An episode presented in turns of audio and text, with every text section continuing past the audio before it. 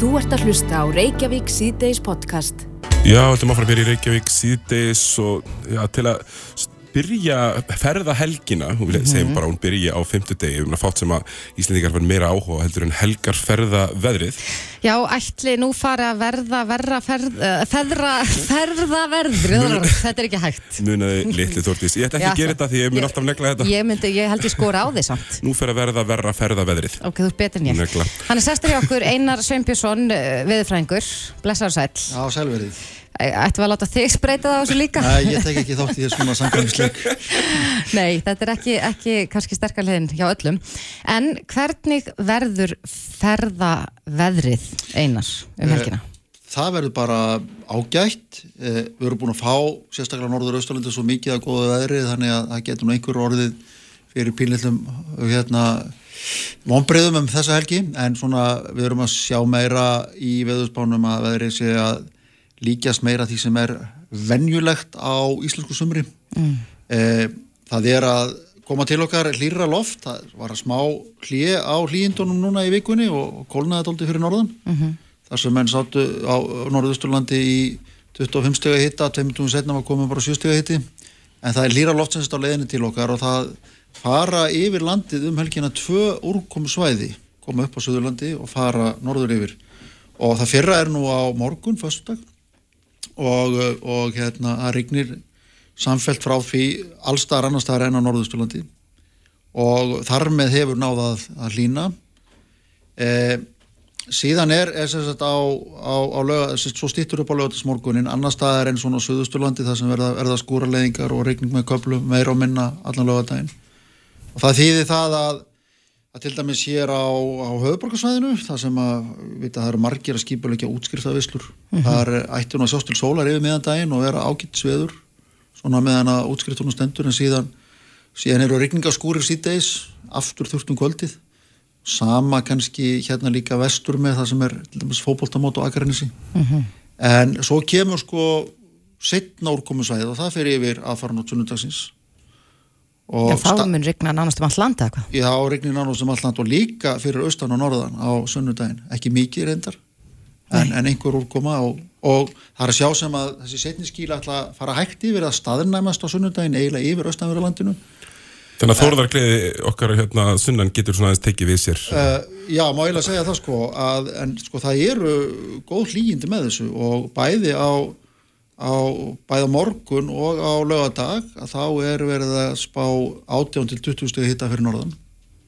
Og sérstaklega ekki síður á vesturlandi og vestfjörðum á lögadag þá verður hitti bara 15-18 steg eitthvað svo leiðis það er bara ágætast að viður það er helst sko að, að það verði sko samfélgist væta í suðustan áttinu þetta þar sem að vindur kemur beint á hafi og stendur á landi og það er sérst á austanveru söðurlandi og söðusturlandi Sko ég er ætla að, að eh, fara í ferðalag og að þessu sinn er það þykku bær og ég sé að, að já, það er nú ekkert sérstakt viður hérna fyrir á, á Suðurlandinu.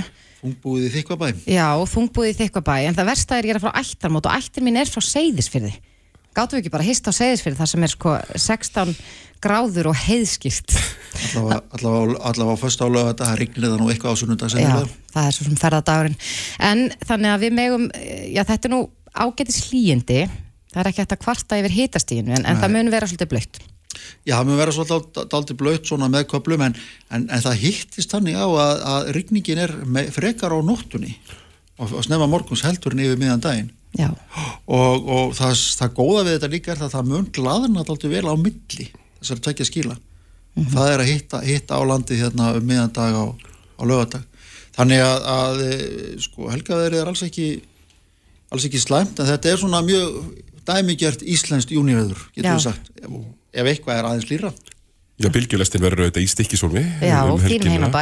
Mínum heimabæ, ég ætlaði að mér sé að líta eins við. Já, en uh, sko ég er mjög upptikinn af því að mér finnst gæðunum svolítið miskipt það er mikið, mikið búið að vera hlýtt og mikil sól fyrir norðan og austan.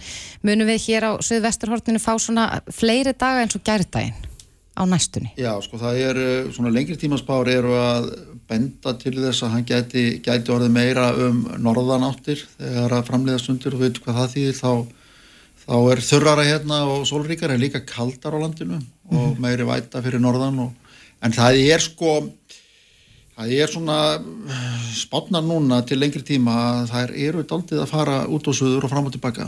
Þannig að, að hann er ekki búin að finna fjöluna sín ennþá í þessum, í þessum veðurspám. Nei. Þannig að, að skulum bara býða og sjá til.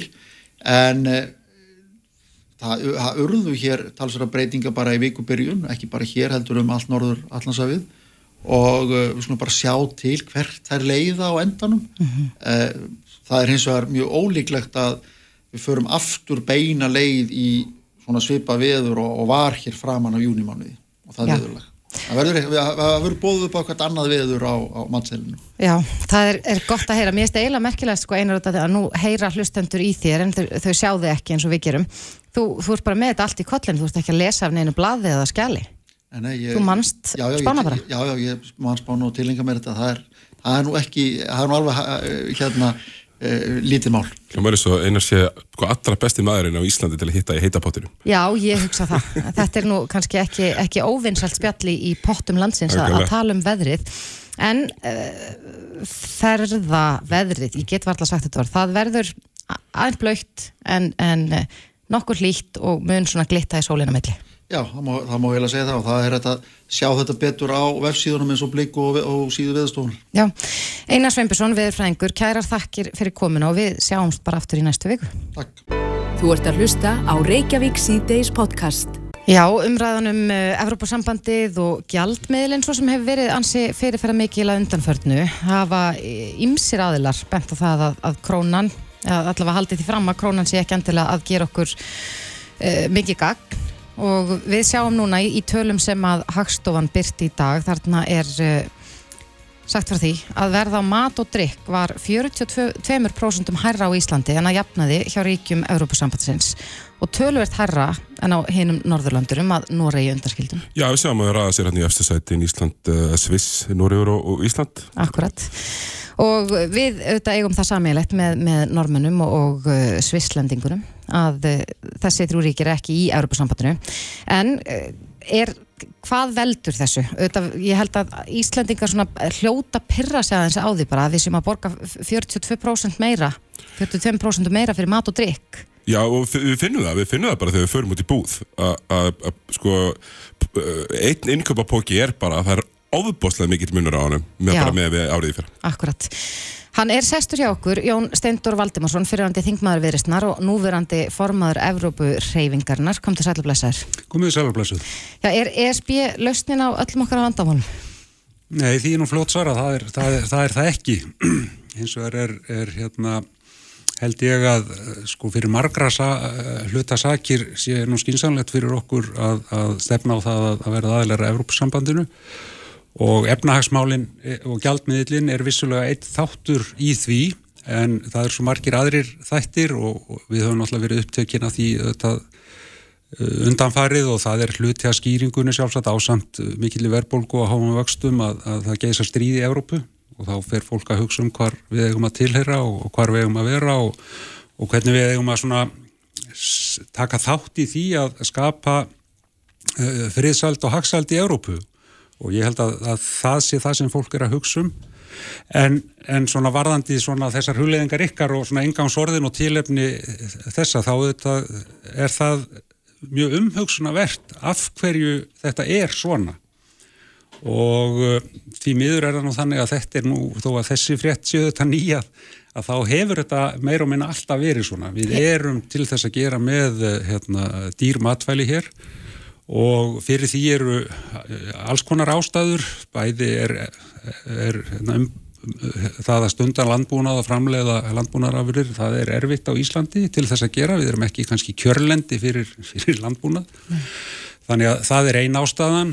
Síðan hefur, hefur hérna sko stuðningskerfið við bændur ekki endilega verið það besta. Eh, og en síðan auðvitað fer svo að spila inn í önnur atriði sem að snerta vissulega bændur og hefur hérna, á, áhrif á matvælaverð og það er auðvitað er vakstastig og gengisveiflur. Þa, það, bændur, þeir þurfa að byggja upp og þeir þurfa að taka lán og þau lán eru dýr og hérna allt þetta vel- veldur auknum um kostnaði og, og síðan að allar þessar sveplur sem eru í, í hérna, umhverfi okkar og, og þar með tali landbúnaðarins en, en auðvitað eru fleiri sem sísla með landbúnaðar af verðan bara bændur, þetta eru auðvitað, það eru milliliði líka og, og hér hefur alltaf verið svona viðverðandi skortur á, á svona fullkominni samkeppni sem meðal annars má rekja til þess umhverfi sem efnahagurinn býr við. Já, nú erum við að koma alltaf út úr bara ansi hörðum kjara vetri og stefnir í annan með bara já, talsverðum launahækkurum sem að Sælabankin, já, var nú reyndar að rosa hrifina fyrst en, voru svona, þau hefur síðan dreyið í land með síðar. Eh, þetta lítur alltaf að hafa áhrif. Já, já, að sjálfsögðu, að sjálfsögðu og það hafa náttúrulega verið óvenjulegir tímar, við erum svo sem ekki í landsíðan við erum að koma út úr, úr COVID og síðan brestu stríðið á í, í Júkrænu þegar rússar ráðast þar inn og það veldur, veldur hérna hækkuðu orkuverði og, og, og alls konar áhrifum sem að verða þar þannig að, að vextir hafa líka verið að hækka í Evrópu og verðbólka hefur líka hækkað. En samt sem áður er það nú þannig að, að, að verðbólka hér er uh, mjög í efri kantinum á þeirri verðbólku sem hefur verið í, í Evrópu og uh, það svona virðist vera að, að víðast hvar í Evrópu síðan menna ná uh, verðbólkunum niður. Eh, okkur gengur það erfilega og við hefum þurft að hækka vexti hér miklu meira heldur en, heldur en eh, flest allar aðrar þjóðir og erum með mjög hátt uh, vaxtastig. Mm -hmm. og allt auðvitað leggst þetta á eitt. Og síðan að, að ég held ég að ég sagt það í inganginum hérna eftir fréttirna sko að, að hér sé allt á yfirsnúningi. Og það er svo merkilegt að samtímis því að við erum í þessum vandræðum að þá erum við líka, það er látt atvinnuleysi hérna, það, það er alveg staðrend og það er eh, hagvöxtur en þetta er að mörguleiti kannski auðvitað svona byggt á þenslu, enganeyslu eh, og túrisma sem að hérna, hefur tekið mjög vel við sér og, og þetta er fagnaðar efni en allt leggst þetta og, og túrismin byggir mjög mikið á, á erlendum starfsmönnum eða fólki sem flýtur hingað þess að vinna í ferðarþjónustinu og það þarf húsnæði og, mm -hmm. og, og síðan erum við með hérna, flottamenn og hælisleitendur og þetta setur allt þennan þrýsting á allt kerfið og hérna en, en, en sem sagt ég held að það sem að er svolítið að hjá okkur er þessar miklu sveiblur sem, sem að við búum við í hagkerfinu og, og ég er þeirra skoðunar og, og, og tel það að vera þannig að ef við værum með uh, uh, stöðan gjaldmiðil, þar að segja, tækjum upp efruna, að þá myndið hún hjálpa okkur við að ná þessum stöðuleika en ég vil auðvitað ítrekka það að við þurfum einhvað síður að hafa stjórn á eigin efnahagsmálum. Mm -hmm. Efran mun ekkit bara ef hún kæmi að þá allt í hennu bara e, væri allt gott. Það er Nei. auðvitað ekki þannig en, en hún er svona umgjör sem gæti hjálpa okkur til að ná betri árangri og stöðuleika til lengri tíma. Já, e, það hafa nú verið hinn er ímsu aðlar meðal annars hann, hann Viljarnur Birgisson verkefliðsleitögi á Skaganum. Hann hefur sagt að, já, að Eh, það eigi að setja gjaldmiðla málin á ottin, mm. að, að við þurfum stöðuðan gjaldmiðl og, og hvernig líst þér á hugmyndir við, ég veit auðvitað að, að, að í þínu félagi þá er þau auðvitað berjast fyrir því að við göngum mm. í arbeidssamfandi, en hvað bara með einhvern annan gjaldmiðl? Það hefur verið talað um kanadæskan dollar eða dönsku krónuna eða hvaðina? Já, já, ég held að sko, þetta má ræða það og, og sjálfsagt er það tæknilega hægt en Ég held að við þurfum bara að, að komast inn í þá umgjörð sem að Evran skapar, það menn þurfa að, að ná tilteknum árangri í efnahagsmálum til að geta tekið upp Evruna, síðan er, er þá Evran stutt af Sælabanka Evrópu ef að í Harbaka slæðir mm -hmm. og svo framvegist þannig að ég held að það sé lang skinsanlegast að, að stíga þetta skref og gera þetta með semst, formlegum, almen, almenlegum hætti og, og taka upp efruðna semst í gegnum þann feril að, að verða aðilað Európusambandinu og byrja síðan það að aðlaga efnahegin að þeim skýlurinn sem þarf að upp, uppfylla og taka síðan upp efruðna í, í, í fyllíku tímans.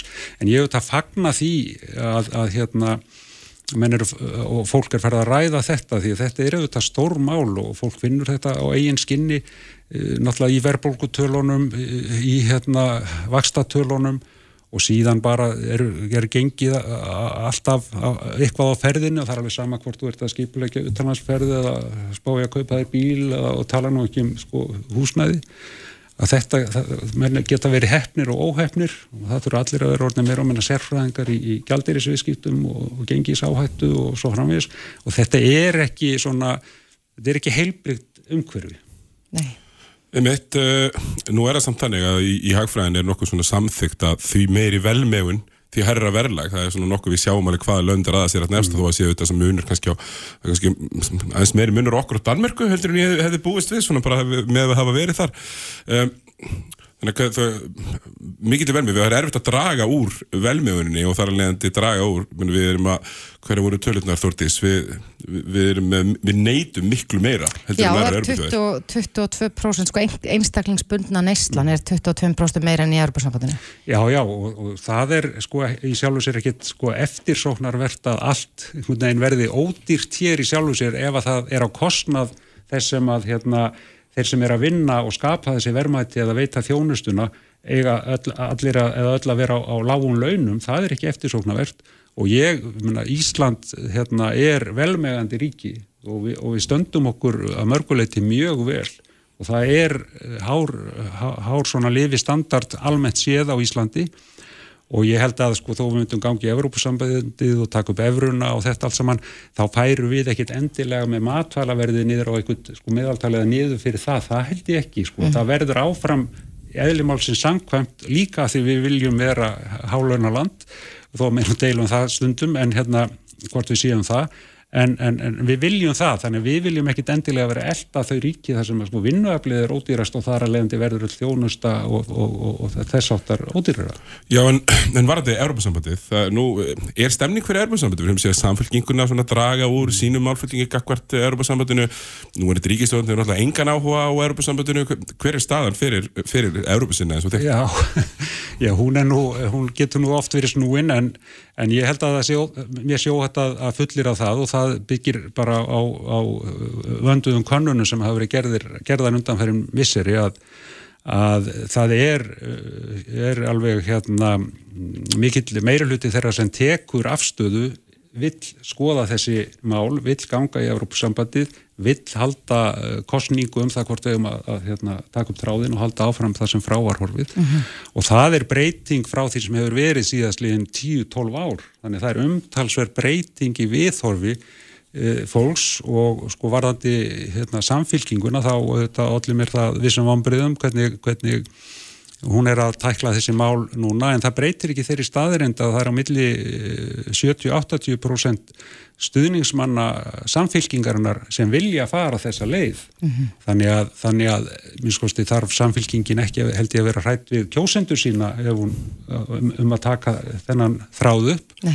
og ég held og það er það sem við viljum gera við viljum einhvern veginn að fá pólitíkusuna til þess að horfast í augu við það að málið er stort, það er umdelt, það er þver pólitíst og snertir marga fletti. Þetta er alveg típist mál til þess að leita ráða hjá þjóðinni beint um hvaða stefnu uh, þjóðin vil taka í þessu máli og, og þess vegna finnst mér að, að, að það eigi að, að stefna á það og ég veit að það eru bæði anstæðingar og fylgjendur Europasambansin sem, sem að styðja þá hugmynd því að auðvitað er það, það tækifæri fyrir þá sem er á móti þessu Akkurat. að berjast auðvitað gegn því og færa fram rauk fyrir því og, og síðan bara verður kosið og þetta er því sem að Já, en, en ferlið er þó þannig að við myndum fyrst, já, fá að kjósum það hvort að við hennilega höldum viðræðanum áfram svo fara viðræðunar afstað og svo endana myndum við kjósa af eða á hvort að þetta e, bara þóknist okkur. Já, það er þetta er þáttið sérkynlega leið en við Íslandikar erum nú gefnir fyrir það að fara hennar aðra leiðir heldur en aðrir og og það hefur nú hverki verið hafður þessi háttur eða þessi röð á en hins vegar er bara hitt pólitíska landslag og, og talsmenn allra stjórnmálaflokka og í stefnum stefnuskram sumraðera er, er talað um það að það verði ekki haldið áfram á þessari braud án þess að spyrja þjóðina leifis, ef við hefum að orða það þannig. Þannig að þetta er alveg hár rétt hjá þér að þetta ferlið yrði þá þannig að fyrst er í spurt eigum við að halda áfram og ef mann segja já, ef maður halda áfram þá er þið hafna samningavirðaður og, og, og þær kláraðar og síðan kemur samningur og svo er þið hann afturborin undir þjóðratkvæði til samtíktar eða sinninar. Akkurat. Já, það verður forveitinlegt að fylgjast með því hvort að eh, við munum kjósa um þetta og síðan halda viðrann áfram eða bara kjósa um þetta og, og eh, niðurstaðan er þið svo að við höfum ekki áhuga. En eh, Jón Steindur Valdimarsson, fyrirhandi þingmaði viðristnar og núverandi formaður Evrópur reyfingarnar, kærar þakki fyrir komuna. Takk fyrir mig. Þetta er Reykjavík C-Days podcast. svona valla til og bestafalli mjög óskýrt þannig að flest fyrirtæki sem er að framlega visskjött eru ekki e, svona, með það efst á lista hjá sér að fara Nei. inn í, í Evropu. Nei, en, en nú er búið að vera að tala um, um sko, já, eins og umhverfis áhrifin að það hefur oft verið talað um að umhverfis áhrifin af, af þessu hefðbundna kjöti sem við þekkjum Já. eru mikil og, og Norræna ráþæra nefndin tók það meðal annarsin í spili þegar þessar ráðleggingar voru gefnar út og við munum síðan sjá hvort að landlæknir taki þar upp eða, eða hvort að einhverju verið breytt hér á landi um, þetta er veru miklu já, betri kostur uh, út frá umhverfis sjónamiðunum Já, sko, hérna kjötneisla í heiminum, hún veldur um það byrj 15% af atriljósun. Það er hátt hlutfall og það er eins og við vitum öll að það þurfum við að leita margra leiða til þess að minka losun og það að bara búa til kjöt með öðrum hætti er eina leiðanum sem að vonandi mun okkur standa til búið í framtíðinni að velja þá vist kjöt fyrir að vennilegt kjöt ef við viljum borða kjöt. Erum við að horfa þá á alla keðjuna, allt frá sko rektarlandi, ruttum skóum, fyrir, fyrir búfjörnað og, og annað, eða, eða sagt, er allt tekið inn í? Já, á, en að það er allt tekið inn í og þegar, sko þetta er náttúrulega þróun sem er að eiga sér stað og þetta má eiginlega segja að þetta hafi byrjað fyrir svona cirka áratug síðan þegar fyrsti hambúrgarinn var kynntur. Og hann var búinn til árannsónastofu þess vegna er þetta oft kallað rannsónastofu kjöt eða labgrón mít sem að hérna, mér finnst það nú ekkert selga gott að því að þetta er það í rauninni ekki þegar þetta er framleitt eh, fyrir veitingastæði eða fyrir búðirnar. Og viss kjöt finnst mér mjög fallegt orð en fyrsti hambúrgurinn, hann var búinn til að rannsónstofu hann kostaði yfir 30 miljónir króna sem að er náttúrulega verð sem að enginn er að vera að borga fyrir hambúrgara en var í rauninni til að sína fram á að þetta er hægt. Já. en þetta var mjög dýrt. Uh, og síðan þá, svona fyrstu árin eftir þetta gerðist freka lítið en það hefur verið mjög hröð þróun í þessu geira svona allra síðustu árin og sem er að skila sér í því að tvö fyrirtæki eru búin að fá markaslegi í bandarækjunum og hérna og það sem að við erum að gera hérna í Íslandi að við, það er ekki, því miður ekki líklegt nema stjórnvöld svona taki utanum þetta sem verður náttúrulega rosalega gaman að sjá eh, Ísland í farabrotti eh, að leifa viskjöt um, en Evropa er ekki, ekki að gera það. En á Íslandi þá erum við hjá orf líftækni að framleiða prótein sem eru nöðsynleg fyrir þessa framleiðslu. Og við erum rauninni hluti af virðiskeiðinni við erum ekki að framleiða viskjöti sjálf en, en erum nöðsynleg í þessari keðju. Og, hérna, og ég var svo heppin að fá að smakka svona kjött fyrir árinu. Já, og hvernig bræðist? Það var eiginlega næsta Já, spurningin minn, sko, er sko, því að við þekkjum all, eða kannski flest allavega, að bragðið af hambúrgara eða nautakjöti eða kjúkling eða hvað sem það er, bragðast það svipað? Finnum maður eitthvað svona vist kjöt sem bragð af því? og ég var náttúrulega mjög spennt eh, yfir því að fá að smakka þetta kjött ég byrjaði sérst í þessu geira í februar og í mars þá var mér búið að smakka kjött í bandarækjunum og það er e, það var agurhæni kjött sérst, Svona kornana, eitthvað skonar. já, já, já, japansk eh, hérna, hérna kornæna. Og þess kjöt rækta úr stopfrumu úr kornænu sem að gæti bara verið ennþá lífi í dag. Það þarf ekki að drepa dýr til þess að fremlega þetta kjött og það stuttumáli þá var kjötið mjög gott. Og mér var náttúrulega mjög létt ég hafði ekki smakkað þetta áður. En það var, það var gómsætt. Já, en sko vegna þess að ég, ég man eftir því á sínum tíma þegar voru einhverja fréttir um akkurat svona akurhænu kjöt og tekin stopp fruma úr akurhænu. Gerir það að verkum að þetta er nú ekki þá vegan matur Nei, þetta að þeir eru, eru dýra, dýrafremur sko. Þetta eru, þetta, þetta eru bara sömu frumurnar og eru í venjulega kjöti. Það er, það er ekki, það er ekki, er ekki bein til og það er ekki húð sem það er að flega og svona en hérna, en að því að voru að tala um svona lífsferilin, hvort að umhverjus áhrifin væru þannig að, að allir lífsferilin væri tekið til greina og það er þannig. En hérna, en það er samt mikilvægt að hafa í huga að, að þetta er þróun að þá á bransin eftir að þróa visskjötið í áttina að því að svona nýta öll tækifærin sem félast í framlýslinni Já, þannig að ef, þegar það verður komið að þá verður þessi framlýsla þannig að hún losar yfir 90% minna heldur en vennilega framlýsla miklu minna land og miklu minna vatn. Og það er þannig að fleiri er að borða kjöt og hver og einn er að borða meira kjöt. Þannig að jörði ræður ekki við kjötframlýslu eins og í dag. Það er bara staðrind nei, þetta er nú kannski ekki sérlega góða frétti fyrir, fyrir sko íslenska landbúnað að því leita, við, við töluðum nú við samskiptastjóra bændasamtakana hér um daginn og hún sagði að ef að við myndum öll fylgja þessum nýju næringar áleggingum og, og færa okkur fjærkjöti og fjær mjölku, mjölkuvörunum að, að þá myndi þetta haf, hafa já, afdreifarík áhrif fyrir íslenska landbúnað en, en eru tækifæri í þessu fyrir íslenska landbúnað? Já, algjörlega það er ymmit það sem að, hérna, maður myndi vilja sjá að hérna, bara öll myndi horfa á og það eru tækifærin. Það er náttúrulega þannig að það þarf mjög margt að breytast í heiminum ef við ætlum að ná því að verða kólumtins hlutlaus sem heimur 2050. Það er takmarkið. Mm -hmm. Það þarf svo margt að breytast. Eftirspunnin þarf að breytast, frambóðið þarf að breytast. E, núna er það, er þannig að við borðum ekki alltaf bara kúamjólk, eða drekkum ekki bara kúamjólk, við drekkum alls konar mjólk. E, og það er svona þróun í heiminum í þessu er að mörg fyr, svona kjötfyrirtæki og bændur með þessu eru að horfa á þetta og, og bara svona alltaf bara að skoða þetta og horfa á tækifærin og sjá hvernig þau geta nýtt -hmm. sína þekkingu og sína innviði. Er, er, er ætlunin hjá þessum fyrirtækjum sem eru að, í þessari framvægst og eru að fá þessi vandalega upp, það er erfitt að sjá fyrir sér á næstu þó að þróunni svona getur auðvitað verið hröð að þetta sé annað en bara fara inn og verða eitthvað svona hluti af Því að svo eru þetta bændur út um allt sem er rekta sem er sérhæft nautakjött og sérstakar stopna, tala um hænur sem er lappa frjálsar og, og annað slíkt. Mm, hversu stór hluti getur þetta orðið?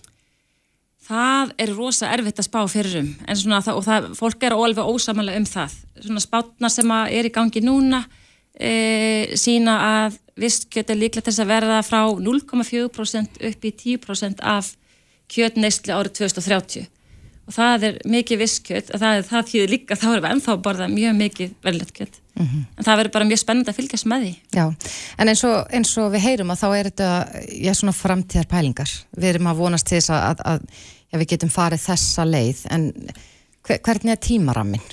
Hvenar munum við bara fara að sjá hérna ræktaða hambúrgara?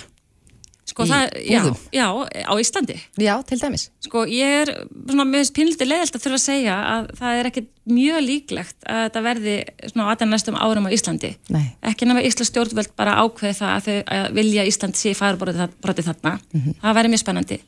Ég hugsa að sé bara fimm ár kannski pluss mínus eitthvað í, í Evrópu en bandaríkinn, þú getur farið bara til bandaríkinn að setna þessu ári og keftir fyrsta visskittu þar, það er kjúklingur Já. svo munu hambúrgarnir fylgja þannig að hérna, það er bandaríkinn sem eru svona að fara að leiða þetta núna og, mm. og svo Singapur. Ég er líka mjög hrifin af svona markasetninguna að kalla þetta vist það, það gefur mér einn smá svona það er hljóma grænt vist kjöt, vist kjúklingur, vist ribbæ ég, ég sé þetta alveg fyrir mér. Það er alltaf betur en rannsóknustofu kjöt. Já, þegar, þá hugsa maður svona já það er einhvern veginn ekki alveg jafn aðlaðandi Nei, að hugsa það þannig. En, en, en eh, þú skrifaði nú greinin á vísi.is í dag og um það að rækta kjöt og hvort það væri matur framtíðun og þú talar þarna um tilfinningar. Já. það eru rosalega mikla tilfinningar í spilinu þegar við erum að tala um sko, íslenskan landbúnað og við erum að tala um kjöt hvort sem það er þá tilfinningar dýravendarsinna eða þeir sem eru vegan og, og alls konar. Eh, heldur að, að þetta standi í vegi fyrir örari þróun að hversu mikla tilfinningar er þarna í spilinu? Það er alveg hætta á því ef við bara ákveðum að opna ekki hugan og, og vera með mm. og, hérna, og taka tækifærin bara strax frekar en að streytast á móti og, og neðast þess að gripa þið síðar vegna þess að matur er náttúrulega hluti af menningu og það er svona ofta ákveðin fastheldni í gangi Ítalir hafa til dæmis listi yfir að þau ætla að banna vistkjött Hvers vegna? Hvað er það? Þeir vilja bara ekki þessa breytingu, vilja bara halda áfram að slátra sínum dýrum og, og hérna, nota sitt land undir, undir hérna, hefðbunna rektun. Já. Það er allavega staða núna, svo náttúrulega taka nýja kynslu og við sem að kannski eru með opnari huga en svo er, það, þá ferum bara að hugsa það við höfum ekki tíma til þess að býða eftir því að nýja kynsla taki við í öllum þessu breytingum. Það eru stór hagsmannastandök í Európum ég þekki það sjálfur bara frá Fraklandi þess að landbúnar, landbúnar lobby gríðarlega stert með mikið ítök í stjórnmálum og, og það er staðan í þessum stóru Európulöndum þannig að uh, sjáu þið fyrir ykkur, ykkur frekari hindranir varandi það, já, sko það er bara mjög mikilvægt að taka þetta samtalið mitt og, og, og hugsa bara hvernig er þetta hérna líka stiðja við þessa þróun út frá hagsmunum þessara sem að hérna verða þá í þeirri stöðu að það er minni eftirspiln eftir vörunum mm -hmm. og þess að maður veldi því fyrir sér e, væri, væri það tækifæri fyrir stjórnvöld að svona stiðja við e, bændur til dæmis til þess að þau geti svona bara haft bolmag til þess að sjá þessi tækifæri og nýta þau Mér finnst það spennandi, mm -hmm. svona sem dæmi.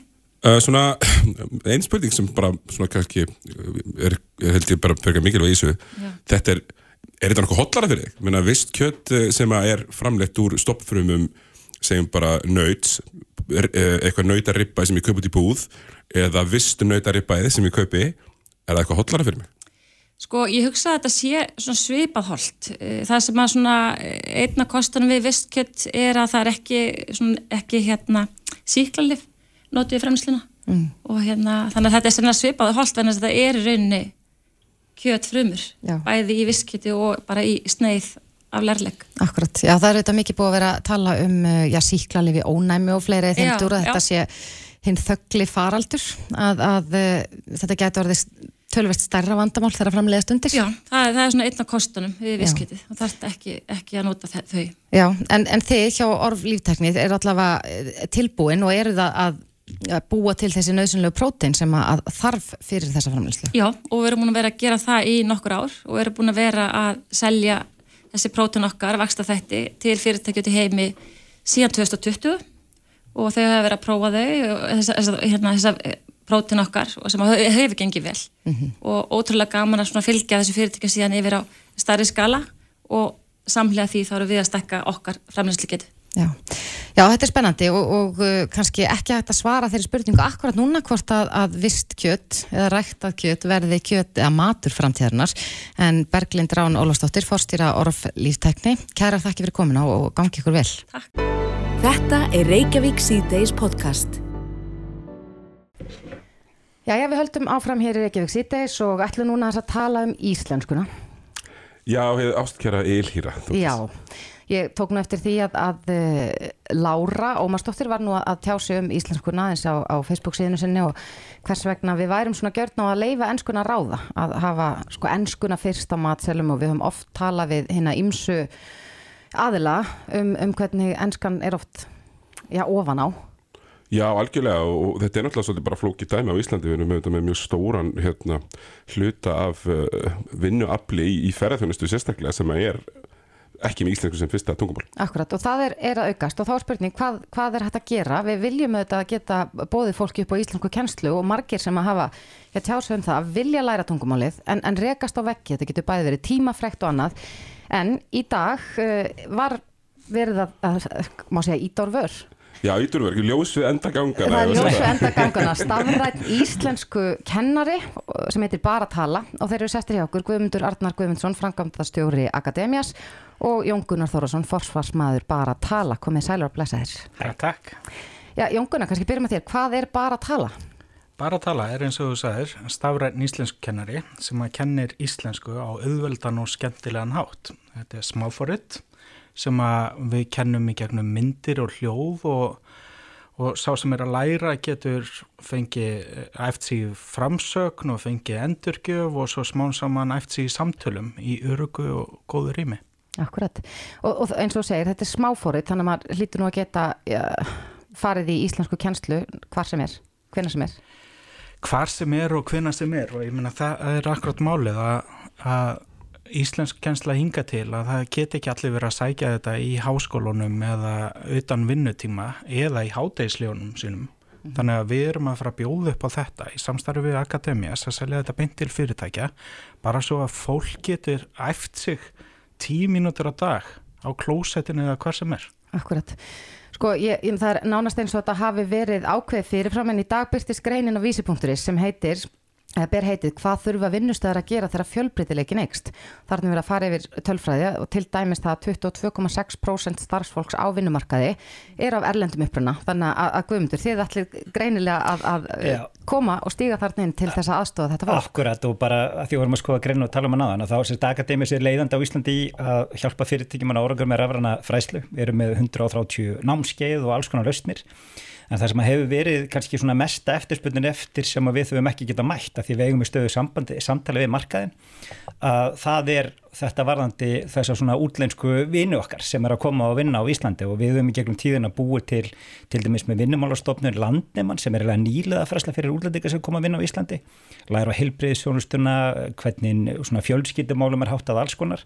En höfum aldrei verið með neina löst mannandi tunga því að tungum er alltaf grunnurinn að öllu Mm -hmm. og í þessum samtölum okkar við, við vinnustæðina þá eru við að heyra að þau hafi kannski verið að senda 20 einstaklinga á svona eitthvað staðnámskeið. Heimturnar eru svo kannski fjórir, eh, þrýr, fjóri, fimm. E, og fyrirstöðunar eru svo hérna e, í raun og veru bara eðlilegar. Þetta er, það þarf að ferðast kannski þrísari viku, þessir einstaklingar eiga svolítið erfitt með, með það sko, það er ekkert alltaf bíl og svoleiðis. Mm -hmm. og svo er þetta líka eins og Jón hefur svo oft minnst á, það er bara þetta öryggi að vera að tala, læra tungumál í einhverju nýju landi með einhverju fólki sem þú þekkir ekki neitt og maður er náttúrulega hálf kjánulegur þegar maður er að læra nýtt tungumál. Og þess vegna fyrir okkur þegar leiður okkar lága saman þetta var algjör heimlæsending af því að þetta er svo raunverulegt vandamál á vinnumarkanu sem við heyrum á, og þetta er yfir hundra vinnustæðir sem við erum í stöðu sambandi við sem er búið að vera að kalla svo mikið eftir. Þannig að bara tala eftir að já, gera mjög gott mót hvað þetta var þar eins og Storðis minnist á þá er þetta, hefur verið vekkurinn oft verið það, það er erfitt að ætlast til þess að fólk sæki sér svona utan vinnutíma og jafnveg launalust, mm. sérstaklega kannski fólk á, með, í, í læri tekjutíðandurum sem er oftar en ekki með aðra vinnu er að sjá mikið börnum, við erum kannski með börn í, kannski með börn í grunnskólum Uh, hvernig á að, segir, kannski á klósettinu og svona, ég meina, eitthvað staðar hlýtur fólk samt að þurfa að hafa frítíma. Það er frábært þetta með klósett. Já, ég held að séu fleiri en ekki, sko, sem er stundum í símanum á klósettinu. En þetta er bara, já, ég meina, uh, þú líka nám þarf ekki uh, þessi hugmyndum að vera í kennslustofu í langan tíma, að, að við þurfum að, að bara, heimurinn er hraður, við þurfum ekki svona mikið tíma og og uh, mjög margir eru í tú og og hverju meinasta degi eru að ná tökum og tungumálunum hér uh, hvar sem er eða spænsku á þess að fara til spánar. Mm -hmm. Við getum kent uh, íslenskuna í gegnum bara að tala á þennan hátt og síðan einmitt með akademias þá hefur við hugmyndir um að, að, að þegar þú ert búin að vera þegar fyrirtæki er búin að vera í nokkra mánuði í bara að tala þá getum við séðan bóðið upp á vinnustofur þar sem við æfum okkur með það sem að hefur verið kent mm -hmm. og, og, og kannski ég fá að grípa þetta lofti líka því að þetta, ég sé fjögur á sem við verðum svo rafræna, rafræna lausnir alls konar að þá hefur þetta alltaf verið aðal vandabálið. Það eru vinnustæðinir segja við alla starfsmannar sinna, heyrðu, nú erum við komið fullt af námsefni og fullt hérna og endilega farið núna á lærið bara því að það hefur tíma.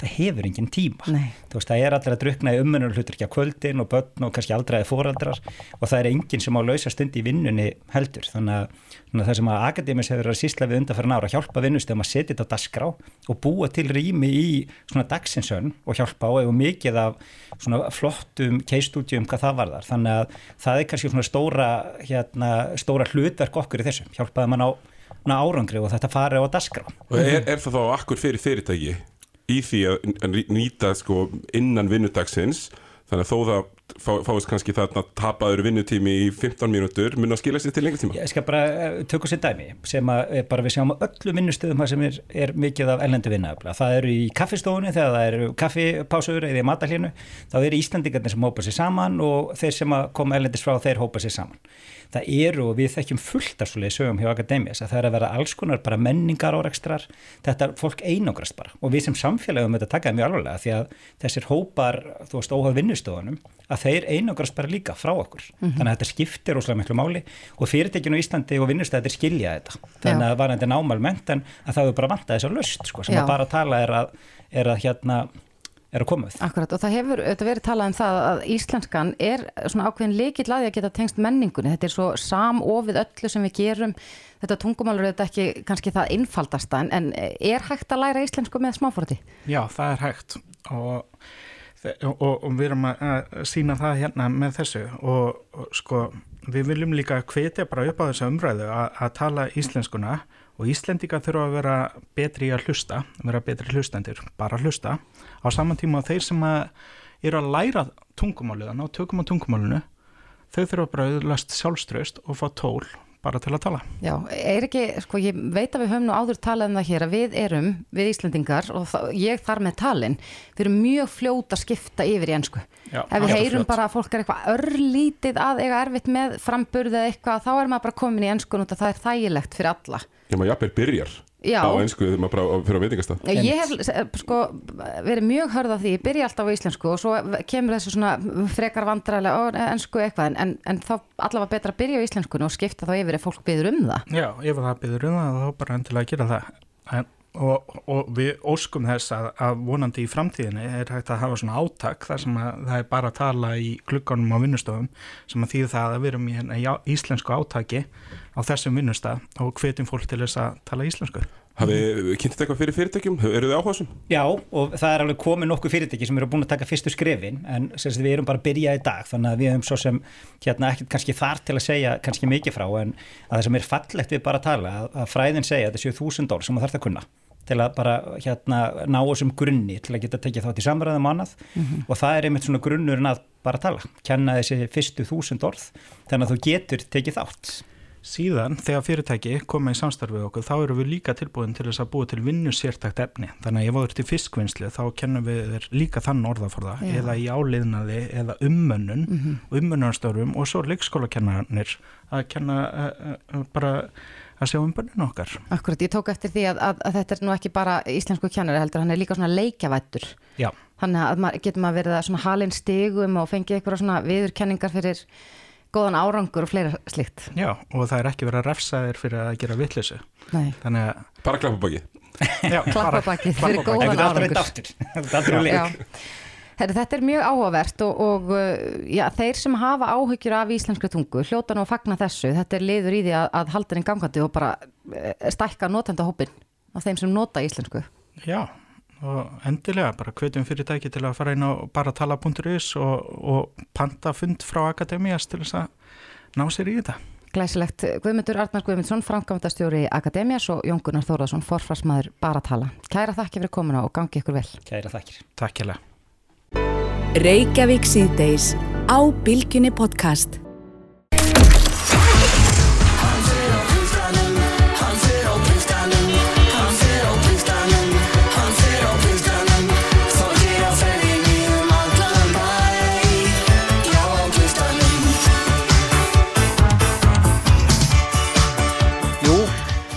Köllum þennan þátt í þætti e, bara á förnum vegi e, Reykjavík síðdeis e, ég geng hér fram á mann sem að þjóðum þekki nú öll en, en Sæmi Rokk heitir hann. Já, það, það minnst hvort stendur á dyrabillunni aður Jú, sjámaðurinn breytum nafn 83 ára gammal 83, þú ert núna að eh, skokka á þessari stundu út í, út í náttúrunni getur við sagt. Eh, hvað er gammal? Ég verð 87 ára næstu mánuð eftir um og mánuð. Ég hef það fyrir sagt að að, að Sæmi Rokk sé ennþá að þar að segja á danskóluminu og gerir það gott og gefur öðrum yngri mannum ekkert eftir. Nei, nei, það er sem heldur mann í lífunu það er reyfingin það er bara að gera mann yngri Er, er þetta samt ekki eitthvað í genónum? Jú, jú, það eru íþróttamenn faði maður var í hólupillið 36 í sundi Já. og svo á hann marga afkomendur tvíbarabröðum minna og, og haug helga fyrir barnabarn mm. körfubóltamann, mm. landslismann og Holmberg Þarum Friðjónsson landslismann í hóbólta og, og ég á æron með svona tvöfaldan ærumestara dana og og, og hérna líka djútsumestara þannig þannig ég og, og fullt af íþróttamönnum sem, sem, sem ættinga? Já, sem ættinga barnaböld sko. Já, já, já. ekki langaðaböld já þau. Mm. En uh, stundaru holdt og gott líf þar að lífverðnið er, er, er, er eru hlaup á dag eða sund eða, eða, og mataræði er holdt og gott? Já, ég eh, er ekki, er ekki, ég hef aldrei gert og, og drekk ekki sterkar drekki og hafa komið fyrir sundi og mm, mm. smakkað rauðin eða kvítvinn svona já, já. og sérstaklega sett ég það út í vatn svona til þess að ég gerst vera með þetta ég alltaf verið á móti eh, drikki, ég sá það þegar ég var ungu maður í höfðborginni þegar að mm. -hmm. þá sá maður að þessi bestu menn breyttust uh, svo og bæði fallir og, og góður menn breyttust svo með víni og að ég sá bara að þetta var ekki fyrir mig. Ég eh, sá svo ég sá maður þetta fólki svo mikið svo að maður var bara hálfrættu við þetta og blessunarlega. Mm -hmm lausu það en svo hitti ég unga konu og, og ég var eh, mörgum ára, hún var nú hérna 15 ára og ég var nú rétt aðeins eldri 21 árs og árið setna var, eh, voru við komin í sambúð Og þeirri sambúð lauk núna fyrir stöttuði? Já, fyrir rúma ára síðan, eh, 9. februar fyrir einu og hálfa ára síðan og, við eignuðum eh, hjöldabatna og 15 batnabötn og yfir, og yfir 20 frangaðabötn. En þú, þú skokkar áfram í gegnum lífið og, og, og, og hleypur, þú veit, þú veit ennþá góður íþróttamaður, hef, hef ég heyrt og hef séð til íln eh, og þekki ég eh, þekki þið sem góðan góðan eldri borgara sem að eh, leggur stund á holdt mataræði og, og reyfingun og, og allt þetta sem að, sem að nútíminn kallar á þeim að vilja lifa lengi. E, ég hef hert líka að það er verið að búa til mynd um þig, Sæm, Sæmundur. Og, og, og það er, fyrir ekki, ég segi Sæmundur, en ég, Ég heit alltaf Sæmundur og ég hafi nú breytt um nafn, þá mun ég aldrei afneita nafni mínu sem að var í, í höfuðið á Sæmundi bónda í Raunóls, ég held alveg sveit, svo að ég er heikin að því, en ég var kallaður þetta. Og mér fannst sko, er komið tíma að breyta þessu því að um, margir og flestir kallum bara Sæmarokk. Ég það eru 67 ára gamla, eh, gammal bíkar sem ég á fyrir rockmestari Reykjavíkur með Lóu Ingu Elinbjörgu Snorradóttir sem var nú fyrsti partnerir minn svona aðalega sem ég var nú meir og minna fyrst að kenna dans og svo uh, sína með henni og hún var Já, þú dansaði rockið alveg út í eitt og þú ert, þú ert enn að því, eins og Já, við. já, ég hætti því aldrei það heldur manni ungum að vera aktífur og svona Mhm. og, uh, og ég finn það bara að fólk talar um það ég, Mm. ég er eins og búin að fá þessar heila blófall en það er, viðist nú vera en hæðstu höfur smiður heimis og jarðar, hann reysir mann upp. Ég vona ég að það sé fyrir góð störf. En uh, þú, uh, Sæmi, þú ert, uh, eins og ég segi, miðdebillin í, í, í áðurnendri heimildamind, eðlilega, en, en það er ærin verknaður að að koma því öllu á, á tjaldið, hvíta tjaldið eins og maður sagði í. Uh, þínu lífi eins fjölbreytilegt og það hefur nú verið og er. Já, já, ég verðist lenda ég, mér finnst ég kom með hann alltaf óvart með þess að ég fættur undir einhver hitla stjörnum það ætti nú stundum að vera mm. dáin því að maður eh, maður hefur náttúrulega verið heppin bjarga eh, mönnum úr lífsáska og konum bóruð úr eldi og, og syndi eftir manni út á haf og, og bjargaði honum líka.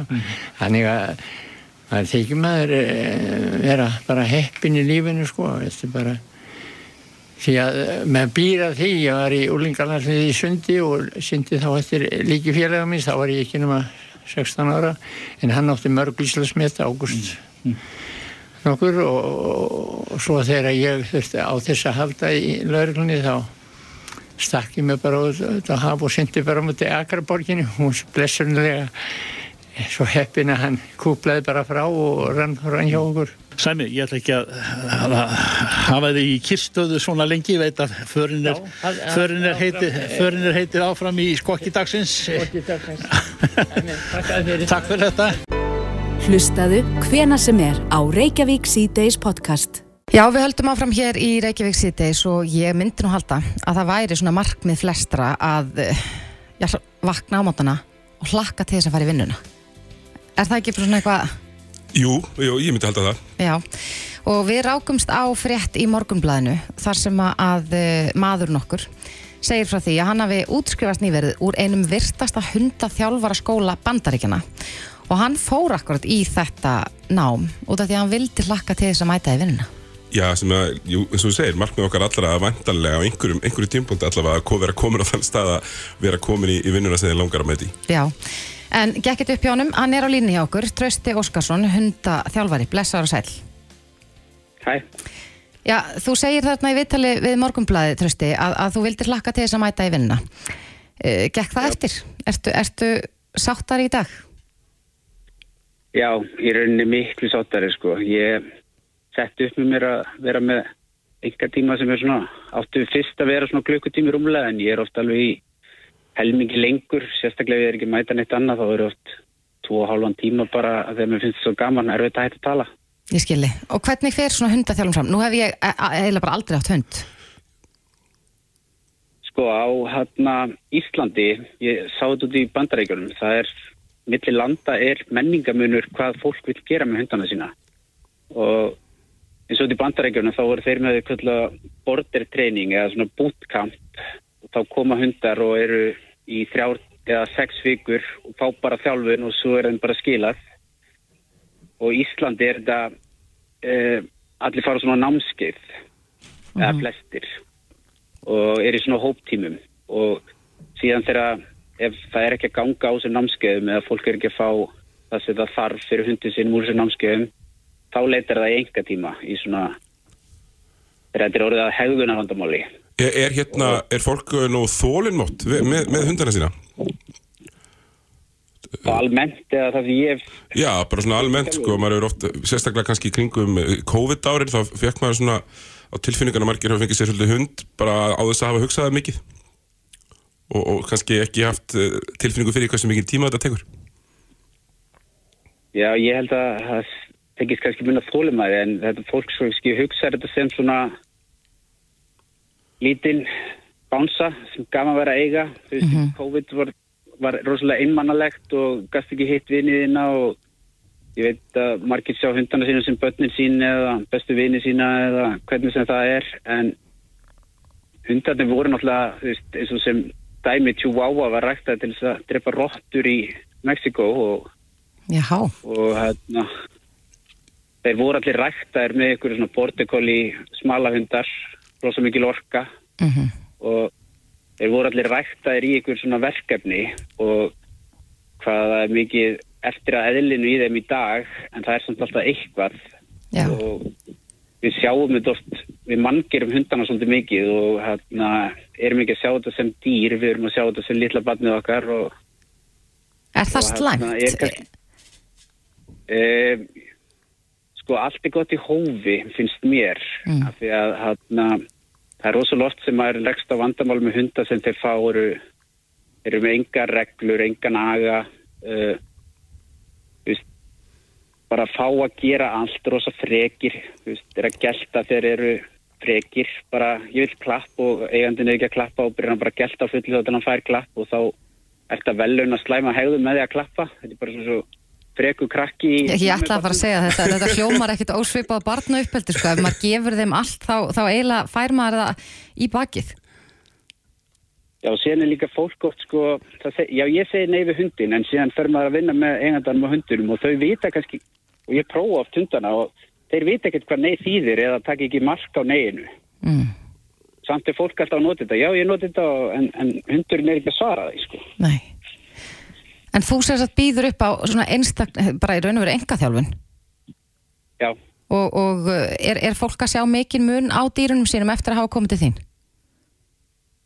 já, það er búið að vera, ég er búin að fá mikið að rósum og í rauninni er þetta búið að ganga framar væntingum mínum sem ég, það er nú ekki langt sinni kláraði skólan, ég kom heim á aðfangadag og byrjaði bara að taka fyrir þetta í mars og það er búið að ganga bara ótrúlega vel og ég byrjaði að fá meðmæli inn á Facebook síðum og síðan er fólk sem ég hef hitt sem hefur sem síðustu ykkur var hjá einu sem sagði þessi mælti með þér og þannig að Já, þannig að þetta er fljótt að vinda upp á sig. En mér fannst svo áhugavert sem hún sagðir áðan, Trösti, út af því að, að já, hundar eru þetta alls konar. Íslenski fjárhundurinn er ákveðin tegund og svo er Chihuahua, eins og þú segir, eh, sko hundur sem var ætlað til þess að finna rottur í Mexiko.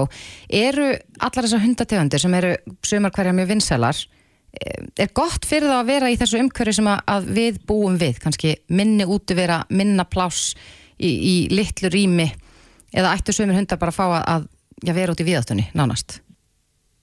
Þá talum bara að eiga allir hundar bara Ég kannski Ja, ekki sumir vera bara frjálsir en, en bara einhverjir í sveit til dæmis, kannski íslenskur fjárhundur í, í 50 fermetra blokkaríbúð, kannski ekki besta hugmyndin. Sko ég á sjálfur bortikolíhund og kallin sem ég fekk hann, fekk hann að hjá, hann sagði ég er ekki með gæludýr, ég er með vinnuhunda. Og það veit allir að bortikóli er frekar æstur hundur en þannig við að tala um hund sem hann er ofvirkur bortikóli og hún þarf rosa mikið aðhald. Og ég held að ef einhver bara á fyrsta hundi hefði fengið hana þá væri hún ekki þá væri hún inn á dýrahjálp líklega þegar hún, hún er það erfið. Og ég sem hef áhuga á þessu ég hef, ég hef búin að læra rosalega mikið af henni, þessum hundi. Uh, ég, ég er með, með eina pælingi í þessu. Um, hvenar, er það eitthvað tíman á seint? Er, ég er, sagt að það er erfitt að kenna gömlum hundi að, að sitja. Er eitthvað tíman á seint ef fólk sem er að hlusta núna er með, er með hund sem er með eitthvað vandabálið mitt, getur ekki skilja hann eftir heima því að hann hafa gælt hérna bara í, í marga tíma eða, eða slikt. Er eitthvað tíman á seint að sækja aðstóð hjá, hjá hundaþjálfur?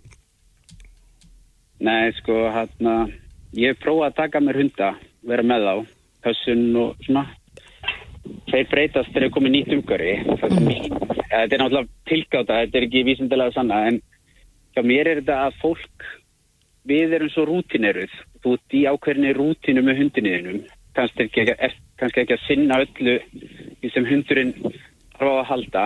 Mm -hmm.